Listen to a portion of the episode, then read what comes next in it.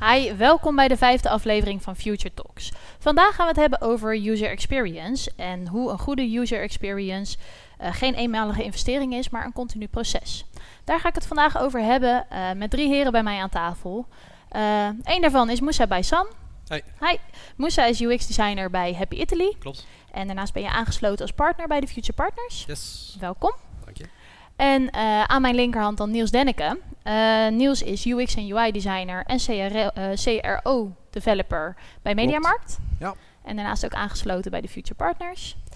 En dan heb ik weer op rechts Dirk Wilmink. Dirk is product manager bij DPG en ondernemer bij de Future Group. Ja, leuk om hier te zijn. Ja, dankjewel. Leuk ook dat jullie er allemaal zijn. Uh, zoals ik het al zei, we gingen het hebben vandaag over uh, een goede user experience. En dat dat geen eenmalige uh, investering is, maar iets wat eigenlijk continu terugkomt of terug zou moeten komen binnen een organisatie. dat gaan we doen aan de hand van drie stellingen. de stellingen die hebben de heren zelf meegenomen. Um, en dan gaan we nu de eerste stelling bekijken en die is van Niels Denneke. Niels, jij had meegenomen als stelling: de user experience is geen hygiënefactor. En, of is een hygiënefactor en geen bijzaak. Klopt, ja. Maar daarvoor is het misschien wel handig om even te weten wat we verstaan onder UX. Zeker. Want UX, de user experience, is eigenlijk een soort van containerbegrip. waarin allerlei disciplines zich bevinden. Dus niet alleen een user experience designer, maar ook uh, UX researchers, front-end developers, um, um, product owners natuurlijk ook. Uh, en eigenlijk zorgen we er met z'n allen voor dat we een, een, een, ja, een beleving neerzetten voor mensen die gewoon aansluiten op de, de, de, doelen, de, sorry, de doelen die ze hebben. Ja, dus de gebruikers eigenlijk van... Ja, absoluut, ja. ja. Natuurlijk en moeten we eerst weten, wie zijn onze gebruikers nou eigenlijk? Want daar moet je dan wel onderzoek naar doen. Ja. En is dat iets wat een researcher dan doet? Of? Vaak wel, ja. Okay. Meestal hebben bedrijven wel een, uh, een, een, goed idee van wat nou eigenlijk de, uh, hun target audience is. Ja. Um, maar dat wil niet zeggen dat ze ook precies weten wat hun needs en wants zijn. Nee, nee. Dus die zal je dan eerst moeten, moeten ontdekken. ontdekken ja. En jij werkt natuurlijk als onder andere UX designer. Uh, wat is de rol van een UX designer in deze keten van de user experience? Ja, een user researcher, wat ik net zei, die, die, die, die doet in principe onderzoek, dus interviews, um, uh, van allerlei andere zaken, dus kwalitatief en kwantitatief onderzoek. Ja? Wat wij voornamelijk doen is dan het vertalen van die needs en wants naar een, een, een product. Of een, een, een, een feature of, of iets wat in ieder geval zorgt dat zij uh, zoals ik net al zei, die doelen kunnen behalen. Ja. Uh, en, en is, wat, oh ja? Sorry. Ja, sorry. uh, zelf ben ik UX UI designer, dus dat houdt eigenlijk in dat ik dus die, die needs and wants vertaal in visual designs, prototypes, en die het liefst ook weer ga, ga, ga terugkoppelen bij de gebruiker. Ja. en dus ook zorg dat er continue iteraties zijn. Uh, om uiteindelijk iets neer te zetten waar we ook gewoon daadwerkelijk iets aan hebben. Wat zo goed mogelijk is. En dat ontwerpen daarvan, uh, dat doe je ook echt allemaal zelf? Of is dat ook in samenwerking met frontenders? Of is dat... Uh... nou, dat ligt er heel erg aan. Maar over het algemeen moet het ook gebouwd worden. Ja. Dus ja, in principe doe je dat met een, met een team. Ja. ja. Absoluut. Dat is niet alleen dus maar daar, daar is een handoff in. Ja. ja, ja. Hey, en een uh, uh, UX designer, gaat hij te werk via een bepaald protocol of een bepaald proces? Vraag ik even aan jou, Moussa. Dat verschilt per opdracht. Je kunt eigenlijk elke opdracht bekijken welke protocol je kan nemen. Ja, er alleen, zijn wel standaarden voor dan? Ja, je hebt wel standaarden, maar vaak is het zo dat je niet per se alles in dat volgorde zou moeten doen. Soms blijf je langer in de research fase zitten. En de andere keer uh, ga je wat meer tijd steken in een prototype bijvoorbeeld. Ja. Um, en soms wissel je het om. Het kan dat de volgorde gewoon verandert. Uh, maar ja, je hebt wel inderdaad wel standaarden voor. En voor elk project je kijken wat het meest efficiënte van tevoren is. Ja. Wat het meest aansluit eigenlijk. En uh, zo ga je elk project anders aan. Ja. Ook. En wanneer zou je bijvoorbeeld meer prototypen? in plaats van meteen gebouw eh, live zetten? Wanneer investeer meer in hem? Ja, kijk bijvoorbeeld, eh, als ik bijvoorbeeld eh, bij mijn Happy Italy ga kijken, eh, als je bijvoorbeeld een nieuwe website gaat bouwen, Ja. dan ga je eerst kijken van, hey, werken bepaalde elementen goed? Ja. Navigatie bijvoorbeeld, werkt die goed? We zijn bijvoorbeeld vacatures goed zichtbaar? Is de informatie goed te vinden? Werken bepaalde functies die je hebt gebouwd, werken die? Eh, in zo'n fase, in zo'n project ga je langer prototypen. Met een bestaande project, eh, ik noem maar, ik weet niet of ik, het zijn aannames die ik nu maak hoor. Bijvoorbeeld bij een mediamarkt ga je ook prototypen, maar dan blijf je, als het goed is, minder lang in de prototype zitten, omdat je al eh, de data hebt verzameld. Eh, en eh, je test wel, Ja. maar je blijft langer in de prototype fase hangen, omdat je meer tijd steekt in de research fase. En, Ehm, ja, sorry, ik, ik ga, pak hem even terug naar jouw stelling sowieso, eh, Ja. om daar eventjes op in te gaan. Eh, de user experience is een hygiënefactor Ja. en eh, geen bijzaak. Wordt het vaak gezien als bijzaak? Nou nee, dat valt gelukkig wel mee tegenwoordig. Maar ik denk dat het voorheen zo was dat hè, een bedrijf die denkt gewoon van... ah, ik denk dat ik een gat in de markt zie. Ja. En oh, nou, gaan we, gaan we iets van een product ontwikkelen. Ehm, ik denk dat het de laatste jaren heel erg in veranderd is dat ze wel onderzoek doen. En dat ze ook zorgen dat ze een, een product op de markt brengen wat eh, daadwerkelijk ook aansluit. Ja. Ehm, maar eh, ja, weet je, dat... dat ehm, Maar dat is niet eh, iets wat, wat vroeger al gebeurde. Dat is echt iets van recent dat de ontwikkeling zo is dat de user experience ook daadwerkelijk ehm, gecheckt wordt bij de end user. Ja, volgens mij is dat echt pas eh, opkomen zetten rond eh, zo'n tien jaar geleden. Ja? Dus eh, daarvoor was het meestal iets van product owner. Niks van willen van jou, Dirk. Ehm, die er een idee bij had en die er een verhaal bij had, maar Ja, misschien maar- niet altijd even goed. precies, de methodes waren nog wel iets minder eh, efficiënt. Of de, de, de werkzaamheden die daar omtrent waren, die waren iets minder efficiënt. Of, of net even iets anders. Ja. Het werd wel gedaan, maar ik denk dat het juist handig is. Zeker als ik weer even de, de, eh, de stelling erbij pak. Eh, het is een, een, een dus eigenlijk moet je vanuit gaan dat de user experience leidend is in, ehm, in een product of een website of een service. Ja? En, en niet iets wat je achteraf pas kan gaan proberen te implementeren. Dus dat er echt ontwikkeld wordt, dat er dingen bedacht worden vanuit de user, dus de gebruiker. Ja, Eh, dus helemaal vooraan in het proces, eh, proces zou je eh, daarmee moeten starten. ja. Ja. ja, absoluut. En heeft een van eh, de beide eh, eh, UX-designers ervaring om binnen te komen bij een bedrijf waar eigenlijk al eh, een product gebouwd is eh, en daarna pas naar de user experience gekeken wordt? Bij mij Ja? is dat wel het geval geweest. Oké. Ehm, ja, dat eh, is natuurlijk wel een uitdaging, want je hebt al eigenlijk een product wat al gebouwd is. Eh, maar alsnog ga je wel kijken wat gebruiker zou willen, ehm, waar, of ze überhaupt wel behoefte aan hebben. En gaande het proces kan je alsnog wijzigingen aanbrengen aan het product, want het product is nog niet af, die zijn, is nog bezig in de ontwikkeling. Ja. Dus alsnog kun je wel wijzigingen aanbrengen. Het brengt wel een uitdaging mee. Eh, je moet wel omwegen maken. Eh, en het eh, proces is langer uiteindelijk. Maar uiteindelijk kom je wel tot hetzelfde resultaat. Maar dit zou ook gebeuren, stel, want iedereen doet dit. Eh, dit is natuurlijk een pad wat je opgaat wanneer Ja. je begint met dit te doen, denk ik. Hè? Ja. Dus het is ook een natuurlijke evolutie van hoe je dit aanpakt. Precies. Hoe merk jij dat in jouw eh, eh, teams en op de plekken waar je hebt gezeten? Kom jij vaak binnen en is user experience dan al onderdeel van eh, het team? Of of waar, waar het begin, zeg maar? Of is dat vaak toch iets wat achteraf...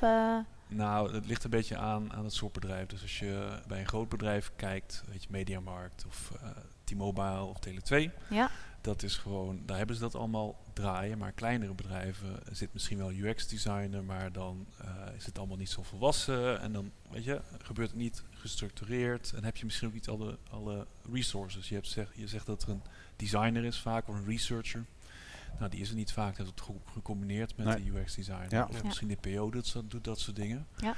Nou, daar moet je dan wel mee omgaan. En, en eh, dat is gewoon een realistisch scenario voor bedrijven. Want niet iedereen is een mediamarkt met genoeg budget. Nee. Ehm, dus ehm, het, het is een, een hygiënefactor. Ik ben wel benieuwd hoe je dat dan zou doen in een kleiner bedrijf dat zegt... Nou, ik heb eh, budget misschien voor een UX-designer. Wat voor soort stappen zouden dan echt essentieel zijn om te doen? Uh, ik denk eigenlijk altijd wel dat je iets van een, uh, van een merkbeleving wil neerzetten die gewoon consistent is over alle kanalen heen en niet alleen per se online. Ja. Mm -hmm. Maar dus ook gewoon zorgen dat je iets van een design system hebt ja. uh, waar je naar terug kan refereren op het moment dat je weer iets nieuws gaat aanpakken. Dus of dat nou print is of digitaal of ergens fysiek. dus dat is een belangrijke. Um, zeg je daarmee dat elk bedrijf ook eigenlijk naar een design system toe zou moeten? Ik denk dat dat niet onverdienstelijk zal okay. werken, nee. Ja, ja. ja. oké. Nou, ik heb wel begrepen dat dat soms ook een hele grote investering is om dat achteraf natuurlijk uh, te gaan doen. Met terugwerkende kracht. Met ja. terugwerkende kracht, ja. Ik kan me voorstellen dat dat lastig is om daar ja. uh, uh, dan lijn in te kiezen. Um, maar hoe pak jij dat aan als je dan binnenkomt bij een bedrijf en je merkt dat het eigenlijk toch meer een bijzaak is en iets minder een hygiënefactor? Hoe ga je dan in gesprek met manager of wie daarvoor verantwoordelijk is om uh, eigenlijk jouw stelling uh, uh, daar ook helder ja. te krijgen. Ik denk dat je een hoop gesprek moet voeren met, met de mensen die daar een beslissing over nemen. Ja. Zijn we nu echt de goede dingen aan het doen? Ja. Um, en ja, daar kan je op allerlei manieren achter komen, denk ik. maar dat, dat is vooral de waarom-vraag stellen. Ja. Waarom en op wat voor manieren zou je daarachter kunnen komen? Of je met de goede dingen bezig bent? Het doorspitten van de data is over het algemeen wel, uh, wel wenselijk. Ja. Uh, hè, waar zijn afhaakmomenten? Uh, als ze dat al hebben draaien, want dat is misschien ook nog wel een, een dingetje. Ja. maar waar zie je de, de churn of de afhaak in je, je customer journey? Waar is die het hoogst? Nou, dan ga je daar eerst naar kijken. Ja. Hè, kan je daar een, een, verbetering of een hypothese op, op opstellen? Om te zorgen dat je uh, nou ja, in ieder geval een idee hebt van oké, okay, zo gaan we dat op die manier verbeteren. Ja. ja. En is dat dan ook iets wat je dan gaat testen? Uh, AB-testen komt daar denk ik dan bij kijken. Ja, ja. Nou ja je kan natuurlijk uh, usability testing of gewoon met gebruikers in een hok gaan zitten, prototyping, dat soort dingen. Ja. AB-testen, als je of mits je genoeg uh, traffic hebt, dan kan je daar inderdaad een hele hoop van leren. Want je hebt natuurlijk een sample size van uh, een paar miljoen bij de mediamarkt. Ja, ja, ja. ja. Dus dat is altijd wel. Uh, want is daar een bepaald minimum van aantal gebruikers die je moet hebben om, om een goede AB te doen? Je hebt daar formules voor om dat uit te rekenen. Okay. Ja. Dat is statistiek. En, ehm, maar er zijn ander vak. Ja, ander vak, er zijn natuurlijk pragmatische manieren om dat te doen. Want je hebt natuurlijk ja. bedrijven die misschien wel een hoge omzet hebben, maar weinig klanten. Weet je. Dan heb je, moet je er ook mee dealen. Ja, ja. Nou, dan, dan is misschien inderdaad uh, research, uh, kwalitatief research is gewoon, uh, kan je proberen. Ja, dus echt ge gesprekken voeren met gesprekken de gebruikers. Voeren, ja, en ook je gezond verstand gebruiken, weet je. Het, het hoeft niet allemaal wetenschappelijk te zijn. soms gewoon beperkt, dan moet je roeien met de riemen die je hebt. Ja, dus, ja, ja, dat zeker. is ook zo. Je moet ook kunnen inleven in de gebruiker. je moet geen aannames maken natuurlijk, maar je moet ook af en toe je gevoel kunnen vertrouwen, ja. ja. ja, ja. Hey, en wat is belangrijker? Uh, is het belangrijker dat je user experience echt een unieke ervaring is? Of is het belangrijker dat het voldoet aan uh, een soort van standaarden? Nou ja, dat is niet per se. Ja, kijk, als je het over uh, interface design hebt, ja. dan ga je in principe uit van de standaarden. Ja. En waar kan denk ik dat je afwijkt om, om iets neer te zetten wat uniek is. Maar niet zozeer de user experience. Dat is meer een algemeen overkoepelende de term die dan eigenlijk zegt van... Ja. Uh, is het wenselijk of, of, of, werkt dit voor de gebruikers die we voor ogen hebben? Ja, ja, ja. Beantwoordt dat je vraag? Ja, dat beantwoordt okay. wel mijn vraag. Ja, zeker weten. Nou, dat is goed, UX. Hey. het is ook heel... Uh, je, je, moet, je kunt ook echt kijken naar... We hebben net over user journeys gehad. En um, die zijn best vaak heel generiek. Dus je hebt een registratieflow vaak. Mm -hmm. Je hebt in een e-commerce omgeving heb je natuurlijk de checkout. Mm -hmm. Nou, daar heb je ook wel principes voor die je kunt gebruiken. Um, en, en in principe is het altijd uh, oké okay om gewoon uh, te leren van wat de grote jongens doen. En weet je, kijk wat Amazon doet, kijk wat Bol doet. Ja. Uh, dus dan kan je gewoon uh, wel jatten. Kijk en vergelijk. Zeker, en, ja. ja, maar ook wel heel goed toch kijken in detail van, nou, wil ik dat wel? Waarom doen ze dit? Heb ik Precies. dit wel nodig? Dat is een shop met honderdduizenden producten, miljoenen producten. Nou, ik heb hier een shop met vijf, vijf, vijftig producten. Ja. Is het nog relevant? Ja. Dat hier die keuze die gemaakt is. Dus, ja. ja. is dat toepasselijk op, uh, op jouw stuk? Ehm, nou, wel mooi uh, misschien om door te gaan naar jouw stelling, uh, Ja. uh, Dirk. Want we hadden het er in het gesprek, voorgesprek over ehm, nou ja, dat UX ruimte moet krijgen ook binnen de organisatie. En Ja. je hebt dus de stelling meegekregen dat UX-design optimaal en structureel ruimte moet krijgen Ja. in je product development strategie. Ja. Ehm, nou, misschien kan je daar wat over uitweiden en wat over vertellen. Ja, dus het, het is denk ik eh, makkelijk om te zeggen, ehm, en, en ik ben het mee eens, dat je, je moet gewoon aan eh, UX design doen, verbeteringen. Mhm. Maar het betekent niet altijd dat, je, dat het bedrijf er klaar voor is of in de fase zit om dat meteen op te pakken. Ehm, het kan zijn dat er jarenlang niet geïnvesteerd is in UX design. Dat Ja. je een, een hele grote slag moet maken of misschien wel heel veel dingen moet doen die niet eens de UX raken om, om het product weer helemaal modern te maken. Ja. En dan zit je wel met de uitdaging als je wil A-B testen en, en kleine verbeteringsslagen wil maken, dan is dat best lastig. Ehm, Dan moet je echt, nog- echt nog een inhaalslag doen. ja, eh, dan, dan moet je dus duidelijke keuzes maken. En dan kan er misschien zelfs uh, managementteam druk liggen op het feit van... nou, we hebben dit, uh, we hebben de webshop werkt niet goed. Dus we Ja. moeten een nieuwe webshop bouwen en dit... en nieuwe mogelijkheden hebben en kortingen en discountcodes. En Oh ja. allemaal moeilijke dingen. Uh, maar waardoor je dus de UX misschien niet zoveel prioriteit krijgt. Ja. Um, Ja. Dus ik denk dat met name de, de, de uitdaging ligt in het op een slimme manier toch je verbeteringetjes meekrijgen met uh, in de grote stroom van de grote projecten die soms, weet je, in de niet-ideale wereld uh, uh, waar je een bedrijf echt alle zeilen bij moet zetten om, uh, om dat mee te nemen. Ja, ja. En hoe zorg jij er vanuit jouw rol? Uh, want jij hebt natuurlijk UX-designers in jouw team. Ja. En user experience is onderdeel van hetgeen wat jullie met elkaar uh, neerzetten, Ja. ook bij DPG. Ja. Hoe zorg jij ervoor uh, dat UX-designers onder andere genoeg ruimte krijgen ja. Um, ja, binnen de sprints inderdaad van de grote projecten die draaien? Ja, dat, um, aan de ene kant hebben we als je uh, de UX aanraakt, je bent met een groot project bezig, uh, ga je zeker ze stimuleren om, om de quick wins mee te nemen. Uh, maar aan de andere kant moet je ook parallel, denk ik, uh, moet je weer naar je user journeys gaan kijken. Dus um, registratieflow, uh, checkout flow, dat soort dingen. Ja. En je moet wel, ze moeten daar structureel moeten ze tijd besteden aan naar dit soort funnels te kijken. Misschien research doen, ook designs doen. En uh, wat je. Is dat dan ook de basis van je product eigenlijk? Of de basis van je dienstverlening, waar toch continu op verbeterd ja. moet worden? Je kijkt wel Ja. naar bepaalde KPI's. Dus je Ja. kijkt naar uh, misschien de omzet. En, en uh, als je bijvoorbeeld kijkt in een webshop. Click-through rate. Je hebt gewoon een, een funnel. Uh, je wil zoveel mogelijk mensen dat de funnel eigenlijk zo, zo groot mogelijk is. Niet dat Ja. hij dit doet. Um, Nee. um, maar goed, dus het, het kan best zijn dat je op dat moment heel veel tijd moet besteden. Niet aan de webshop, aan iets anders. Maar je hebt denk ik altijd... Je kan niet zeggen als je grote dingen aan het oppakken bent... kan je niet zeggen van uh, business as usual dingen krijgen geen aandacht. Uh, dus er is altijd ruimte voor, of zou moeten zijn. En binnen die ruimte moet je denk ik kijken met je UX-initiatieven naar van nou, wat zijn nou de belangrijke user journeys en uh, waar kunnen we nu de meeste impact maken. Ja. Uh, Ja. maar daar Ja. moet je ook klaar voor zijn. Het is denk ik ook altijd een, eh, een afweging tussen hè, ehm, een stukje impact, een stukje effort en wat, wat ja, Ja. ehm, eh, ook de business value, zeg maar, daarin Ja. meenemen. Ja, ja, de balans daar ook in vinden. Hoeveel Ja. tijd ben je, er, uh, ben je eraan kwijt? Ja, ja. Hey, ben je er wel eens tegen aangelopen dat je binnen een organisatie het niet voor elkaar krijgt om uh, die ruimte te creëren voor jou, uh, uh, voor de UX'ers?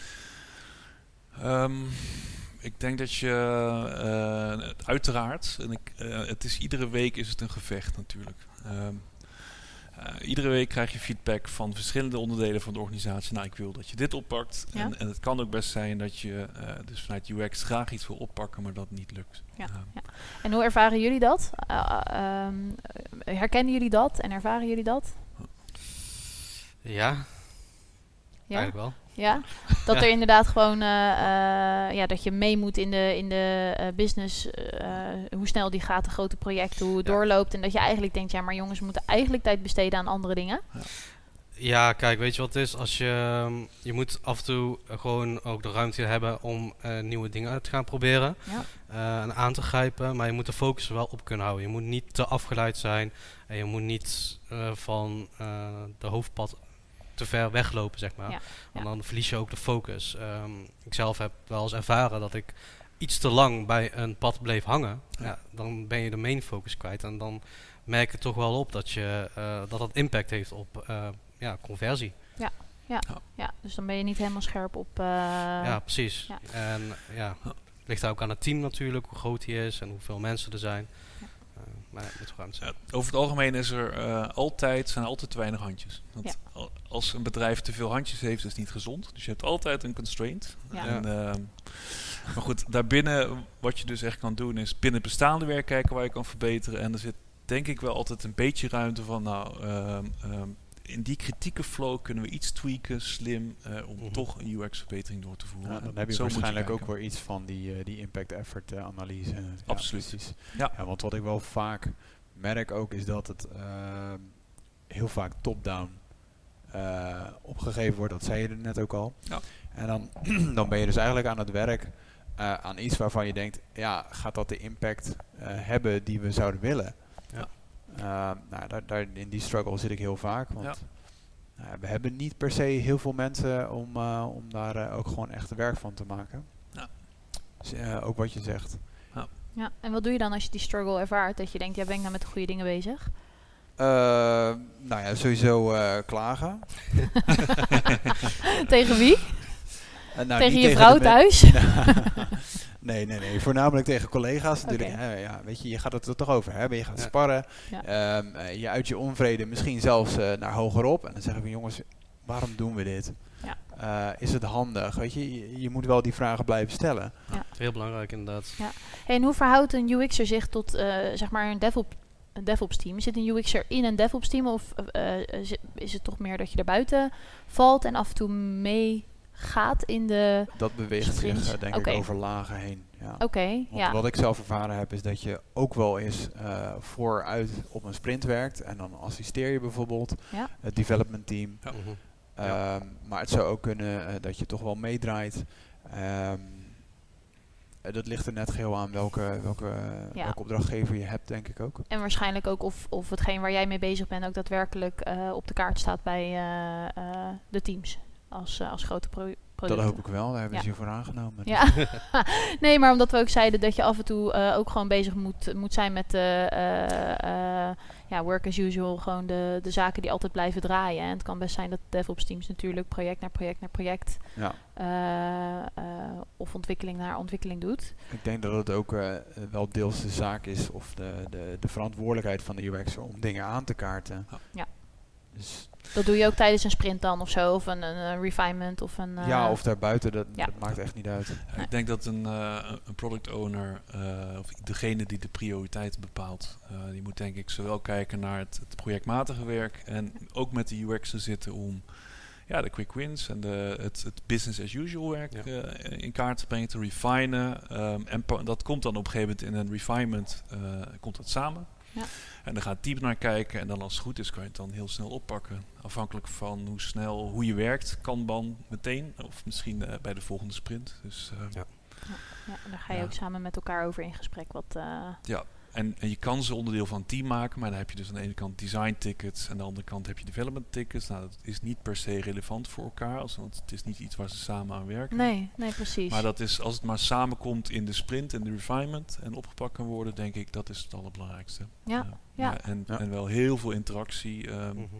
We hebben wel de UX-designer is gewoon onderdeel van de stand-up, van de refinements. Ja, uh, hij moet betrokken zijn bij wat er gebeurt. Want het is heel vaak zo tijdens een refinement ook dat hij ja, dit, dit, kan niet, of dit is gewoon, kun je niet beter zo doen. Ja, dus het, um, ja dat, eigenlijk is het gewoon ook nodig dat een UX'er aan de voorkant meedenkt, meekijkt. Ja, ja, en, uh, zeker. Een essentieel onderdeel van het team. Ja, ja. ja, Weet je wat ik door uh, ook sowieso afgelopen afleveringen heen, maar wat ik sowieso uh, eigenlijk terughoor, dat zowel testers naar de voorkant in het proces mee willen praten. Aan de security kant wordt er aan de voorkant moet er rekening mee gehouden worden. Uh, nou, design system en uh, user experience moeten aan de voorkant. Uh, hoe ziet nou eigenlijk een optimaal team eruit voordat je aan de slag gaat? Qua UX of qua nee, alles? qua alles. Want nou, ik, ik merk dat iedereen aan de voorkant wil zitten, zeg maar.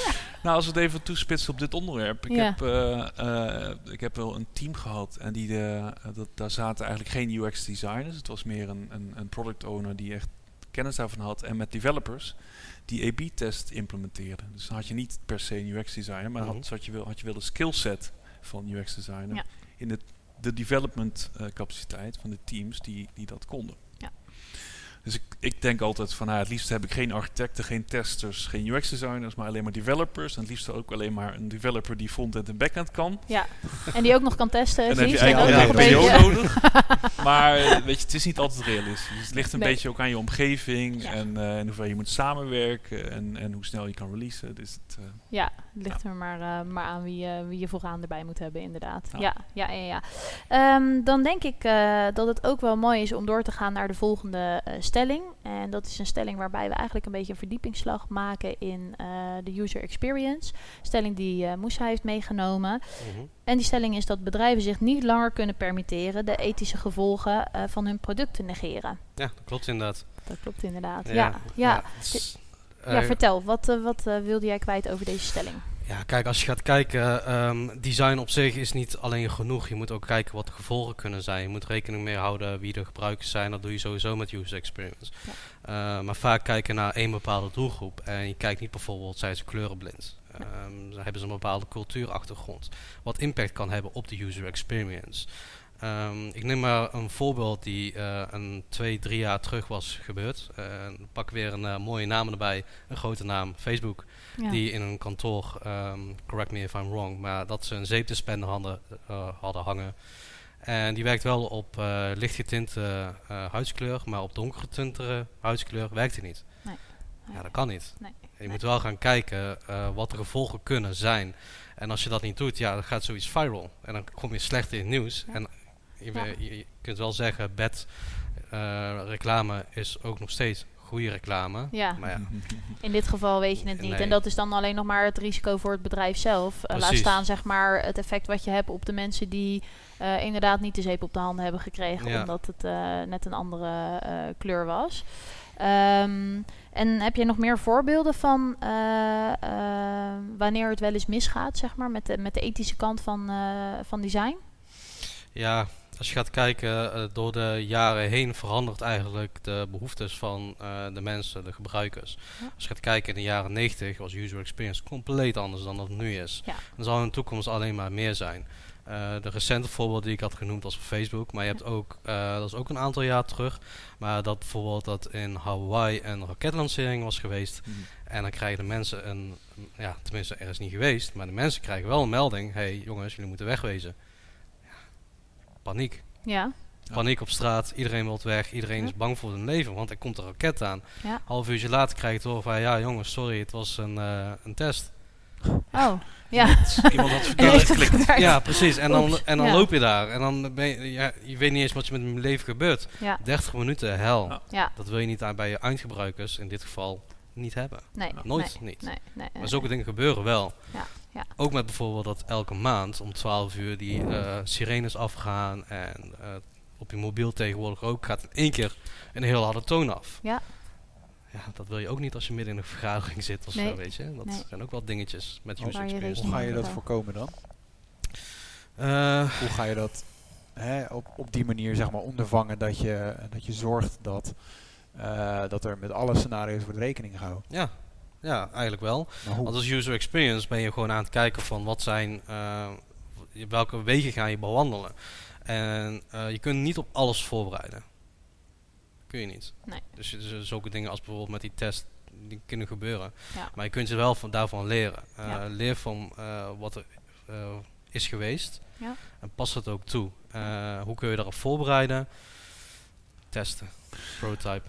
En Onderzoeken. En daarnaast heb je natuurlijk ook ehm, ja, diversiteit, wat een heel breed thema is. Ja. Ehm, kijk vooral eens, eh, weet je, binnen IT, ehm, ik weet niet hoe het in Nederland zit, maar er zitten nog steeds heel veel mannen, blank, eh, Ja. in IT. Ja. Ik zeg altijd grap, half grappend, maar ook wel serieus. Ik, ik vind, eh, eh, ik heb heel veel vrouwelijke Scrum Masters gehad. En dat Ja. is heel fijn, want die kunnen heel goed alles aanvoelen in het team. Mhm. Weet je, eh, ik heb eh, ook wel eens een hele, een hele oude, heel oud, nee, een, een wat oudere developer aangenomen. Waarvan men, sommige mensen zeiden van, nou, dat moeten we dat wel doen. En het zei ook een collega van, nee, ik, weet je, we worden allemaal 60. Ja. laten we hem aannemen. Eh, en dat was een hele rustige man. Die gewoon echt eh, die, die zijn cool hield, zeg maar. Ja. Ehm, je hiring eh, beleid, eh, denk ik, eh, is een manier zonder dat je alles hoeft te weten om die verschillende perspectieven te krijgen. te ik. krijgen ook in het team zelf. Maar ik kan me ook voorstellen inderdaad, want wat jij net aangaf, dat veel bedrijven eigenlijk van tevoren wel weten wie hun users zijn, dus wie de gebruikers zijn, en dat je daarop voorbordeert, eh, Ja. eh, voortborduurt. Maar hoe eh, check je eigenlijk of dat, dat idee nog vakant is? Klopt dat nog? Het beeld over wie je users zijn? Ehm, ja, hoe weet je dat? Eh, ik denk dat je wel een x-aantal case studies, dan wel focusgroepen bij elkaar trekt om te kijken, oké, maar wie zijn dat nou eigenlijk? Maar gebeurt dat eh, één keer per jaar? Of want ik kan me voorstellen dat gebruikers ook veranderen, zeg maar. Of dat Ja. de Ja, groep gebruikers ook veranderen. Daar heb ik geen ja. antwoord op. Ja. Nee. Ik denk dat dat gewoon eh, ja, best wel vaak nog zou moeten gebeuren. Ja, ja. Even te challengen, oké, is dit nog steeds eh, wie onze producten afneemt? Ja, ja, dus dat Of het niet één keer is neergezet aan het begin, maar dat dat iets is wat eigenlijk Nee. continu ook gerefereerd moet worden. Misschien wel zeker één keer per jaar. Ja, ja. Nou, ik begreep ook dat, zeg maar, dat het ook wel een beetje een, een, of een trend, hopelijk is het niet een trend, maar is het iets wat blijft, maar dat er in het verleden meer eh, gestuurd werd op eh, het commerciële stuk van UX. Dus mensen eh, verleiden, mensen eh, zorgen dat ze je spullen aankopen. Ja. Maar dat tegenwoordig het ethische stuk in UX ook steeds meer een plekje krijgt binnen een organisatie. Eh, of dat dat zo zou moeten zijn. En dat ethical design ook wel iets is wat, wat je steeds vaker hoort. Is dat ook iets wat jullie al merken binnen de bedrijven, dat er wat meer ruimte voor komt? Ik zie jou knikken, dus vraag aan Ja, nou, we- ik heb, ik, ik heb een heel grappig, relevant voorbeeld. Kijk, ehm, ik, ik werk nu bij eh, de persgroep Recruitment. eh, en, en die hebben de intermediair en Nationale Vacaturebank als banenplatform. Mhm. En daar is wel een hele actuele discussie. Weet je, je hebt daar een recruiter kan een baan plaatsen. En die kan een tekst erin zetten. Die wil een secretaresse. of of een, een directeur en niet een directrice. Weet je? Ja. En ja, wat, hoe ga je daarmee om? Zeker als platform. Want als platform kan je zeggen dan, nou, dan kan je ook zeggen, nou, dat, dat moet niet. Weet je, dat is je stelling, moet niet. Ja? Of Maar- advies geven? Maar dan mis je wel, zeg maar, als je, eh, is het risico dat je ook dat die werkgever of die recruiter dan zegt, nou, dan plaats ik mijn banen niet meer bij jou, maar bij mijn concurrent. Ja, Eh, ja. Dus dat is wel een hele harde ehm, eh, keuze die je maakt. Ja. Maar goed, eh, hoe ze dat dan, eh, wat, wat we onlangs geïmplementeerd hebben, is een, eh, een, een soort meld, meld deze jobpost knop. Ja. Waar je gewoon eh, kan aangeven van, ik vind dit niet inclusief genoeg, Mm, of et ja. cetera. Ja. En dat kan- is zeg maar voor de, eh, degene die de vacature leest en op zoek is naar een baan. Die leest hem en die zegt van joh, eigenlijk eh, eh, zou ik hierop willen reageren, maar ze vragen een directeur in plaats van Ja, een directrice. die- dat is ook echt getest, heel mooi. In een, in een, weet je, een, een user test. En die, daar werd het ook echt aangegeven. Dan mensen die het ook echt meegemaakt hebben, et cetera. Ja, Ehm, ja. Maar de knop is een hele pragmatische manier om beide kanten een beetje Ja. ehm, te... Maar dan is het leed natuurlijk eigenlijk al wel geschied. Dan heeft iemand dat al gelezen, Ja. heeft die ervaring al gehad. ja, maar het is wel een soort van bewustwording helaas, die al de bedrijven een beetje door moeten gaan. Ja, Ehm, ja. Want jullie zijn daarin dan ook gewoon een doorgeefluik, denk ik, naar eh, ehm, de, het bedrijf wat de vacature plaatst. Ja. Jullie zijn natuurlijk niet degene die daar een verandering in. eh, Ja, en, en het is ook niet dat, dat die bedrijven dan meteen denken van, nou, ik, eh, wat absurd en mijn advertentie is perfect. ja, Vaak is men zich er helemaal niet van bewust. Nee. Dat is ook, weet je, het gaat om Ja, maar het is ook, als je gaat kijken, er moet een- op een gegeven moment ook een zaadje worden geplant. En die zaadje moet dan nou, groeien, zeg maar. Dus als je gaat kijken, bijvoorbeeld, jij verzamelt die feedback al met die vacatures. Ja. En op lange termijn kun je zeggen, maar luister jongens, we zien al twee jaar lang bijvoorbeeld dat we die meldingen krijgen. Ja. Doe er iets mee. Ja. Dan is die advies heeft dan meer draagvlak. Nou ja, en ik denk eigenlijk direct op het moment dat je zo'n eh, terugkoppeling krijgt op een vacature die je geplaatst hebt, om het maar even bij dit voorbeeld te houden, Ja. dat er direct misschien inderdaad dat bewustwordingszaadje wel geplant wordt. En dat, je, nou ja, dat je in ieder geval de feedback krijgt die je vroeger niet kon, eh, kon ontvangen. Ja. Ja. ja, dat is zo. En eh, zijn er bijvoorbeeld bij Mediamarkt, wordt daar ook naar het ethische stuk van design gekeken? Nou ja, in principe verkopen we daar gewoon Elektronica. producten, Ja. elektronica, Ja. spullen. Ehm, wat mij voornamelijk opvalt, en dat is misschien een klein beetje in het verlengde van de stelling, ehm, hè, dark patterns. Dus je hebt Ja. usability patterns, eh, maar je hebt ook dark patterns. Dat eigenlijk gewoon een, een, een, een, ehm, op een soort van slinkse manier gebruik maken van de, de, de psychologie van de mens. Ja. Yes. Hè? Dus, Slinks in de eh, manier van dat het eh, dan verleidend werkt in plaats van Ja. dat het... eh, Oké, ja? Ja, dus eh, in principe wil je gewoon zorgen dat ze over de streep getrokken worden. Ja, ja. Hè, en dan kan je bijvoorbeeld met, eh, ehm, eh, hoe heet dat? Eh, stel nou, er zijn nog maar eh, drie producten en jij wil er graag eentje hebben. Ja, weet je, dan eh, schaarsheid Ja? is eh, bijvoorbeeld een hele makkelijke, Ja. ehm, maar heel erg effectief bewezen. En Ja. eh, sure, sommige dingen denk ik van, eh, dat kan je best wel goed inzetten. En andere dingen die gaan net over het randje. Weet je, de, sommige, de- daar moet je denk ik echt toch de grenzen gaan opzoeken. Ja? En Dan heb zie je daar een voorbeeld eh, van? Bij, eh, ja, dat wou ik net gaan Ja? zeggen eigenlijk een voorbeeld. Is als je gaat kijken bijvoorbeeld naar ehm eh vakantiesites als booking.com. Ja. Dan zie je heel vaak staan, er kijken nu drie mensen nu naar. Ja, De, precies. nog maar hotel. zoveel beschikbaar. Ja. Precies. Eh, ja, dat geeft jou druk van, ja, hey, ik moet dit hebben, ik moet dit hebben. Ja.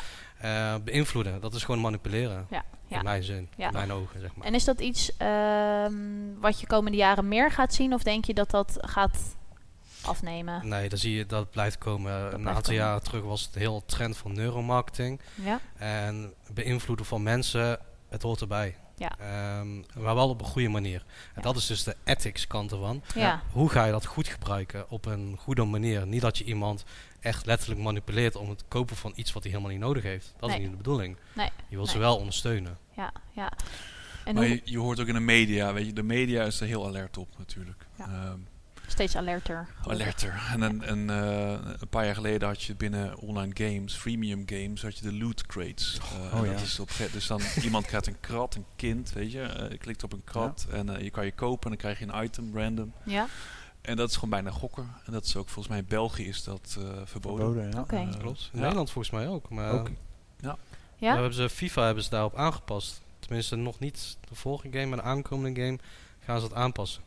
Ja, en volgens mij is er toch sowieso, maar ik weet helemaal niet hoe dat gecheckt wordt. Maar als een kind iets wil aankopen, zeg maar eh, online, dan moet er toch wel een bepaalde check op zijn. eh, Volgens mij hebben ze de, meestal de, de creditcard van, Van, eh, eh, papa, papa en mama, mama in de binnenzak. En dan, Ja. eh, en je leest die verhalen wel eens eh, 3000 euro afgeschreven van je rekening. Nou, Zo, ja, dat is wel echt. eh, Pijnlijk, ja. Maar dat is een ander probleem, denk ik. ja, ja, maar nou ja. Overigens ook niet helemaal ethisch. Nee, het is ook niet helemaal ethisch, ethisch verantwoord.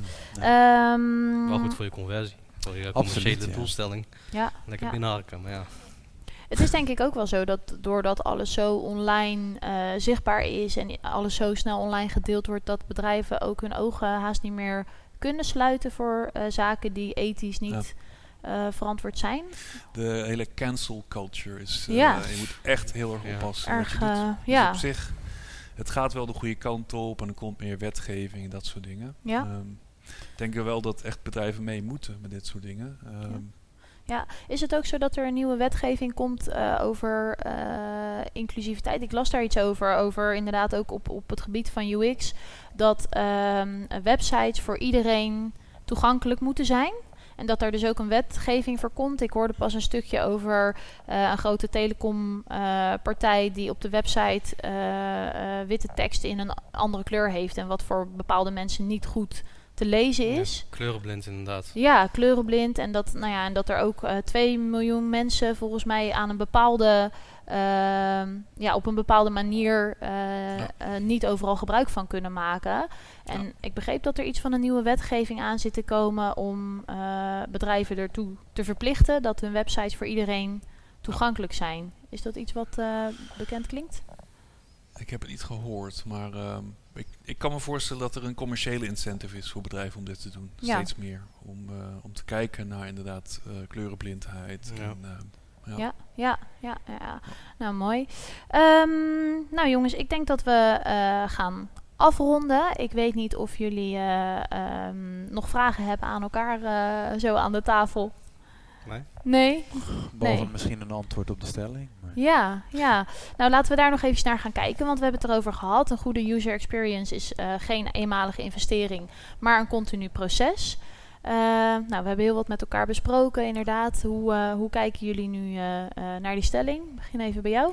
Nou, ik denk dat we nog steeds overtuigd van zijn dat, we, eh, dat dit noodzakelijk is. Maar eh, vanuit mijn perspectief is het echt, gaat het om de grootte van het bedrijf en de financiële slagkracht en de, de fase van de lifecycle waar het in zit. Ja, Dat je heel goed en slim moet kijken hoe je het inzet. Ehm, dus dat, eh, maar het is zeker weet, eh, is het noodzakelijk om dit te doen.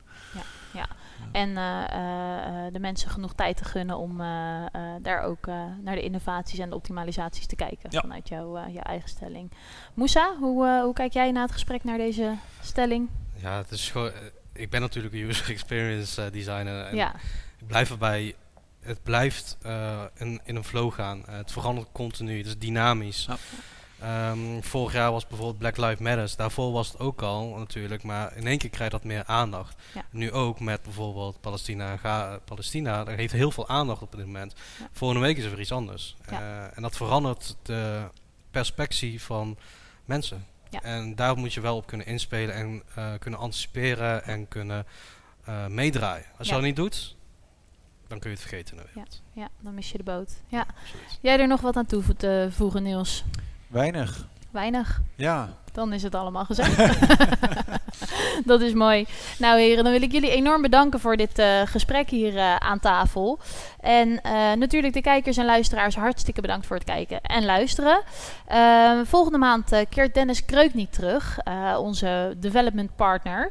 Ehm, en wij gaan het met hem hebben over Progressive Web App. Ehm, nou, dat gaat vast weer een hele mooie tafel en een mooi gesprek opleveren. Dus leuk als je daar ook weer eh, naar kijkt.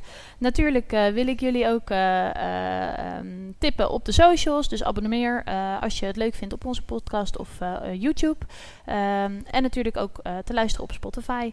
Ehm, nou mannen, bedankt en eh, tot de volgende keer. Jij bedankt. Dankjewel. Ja hoor. Helemaal goed.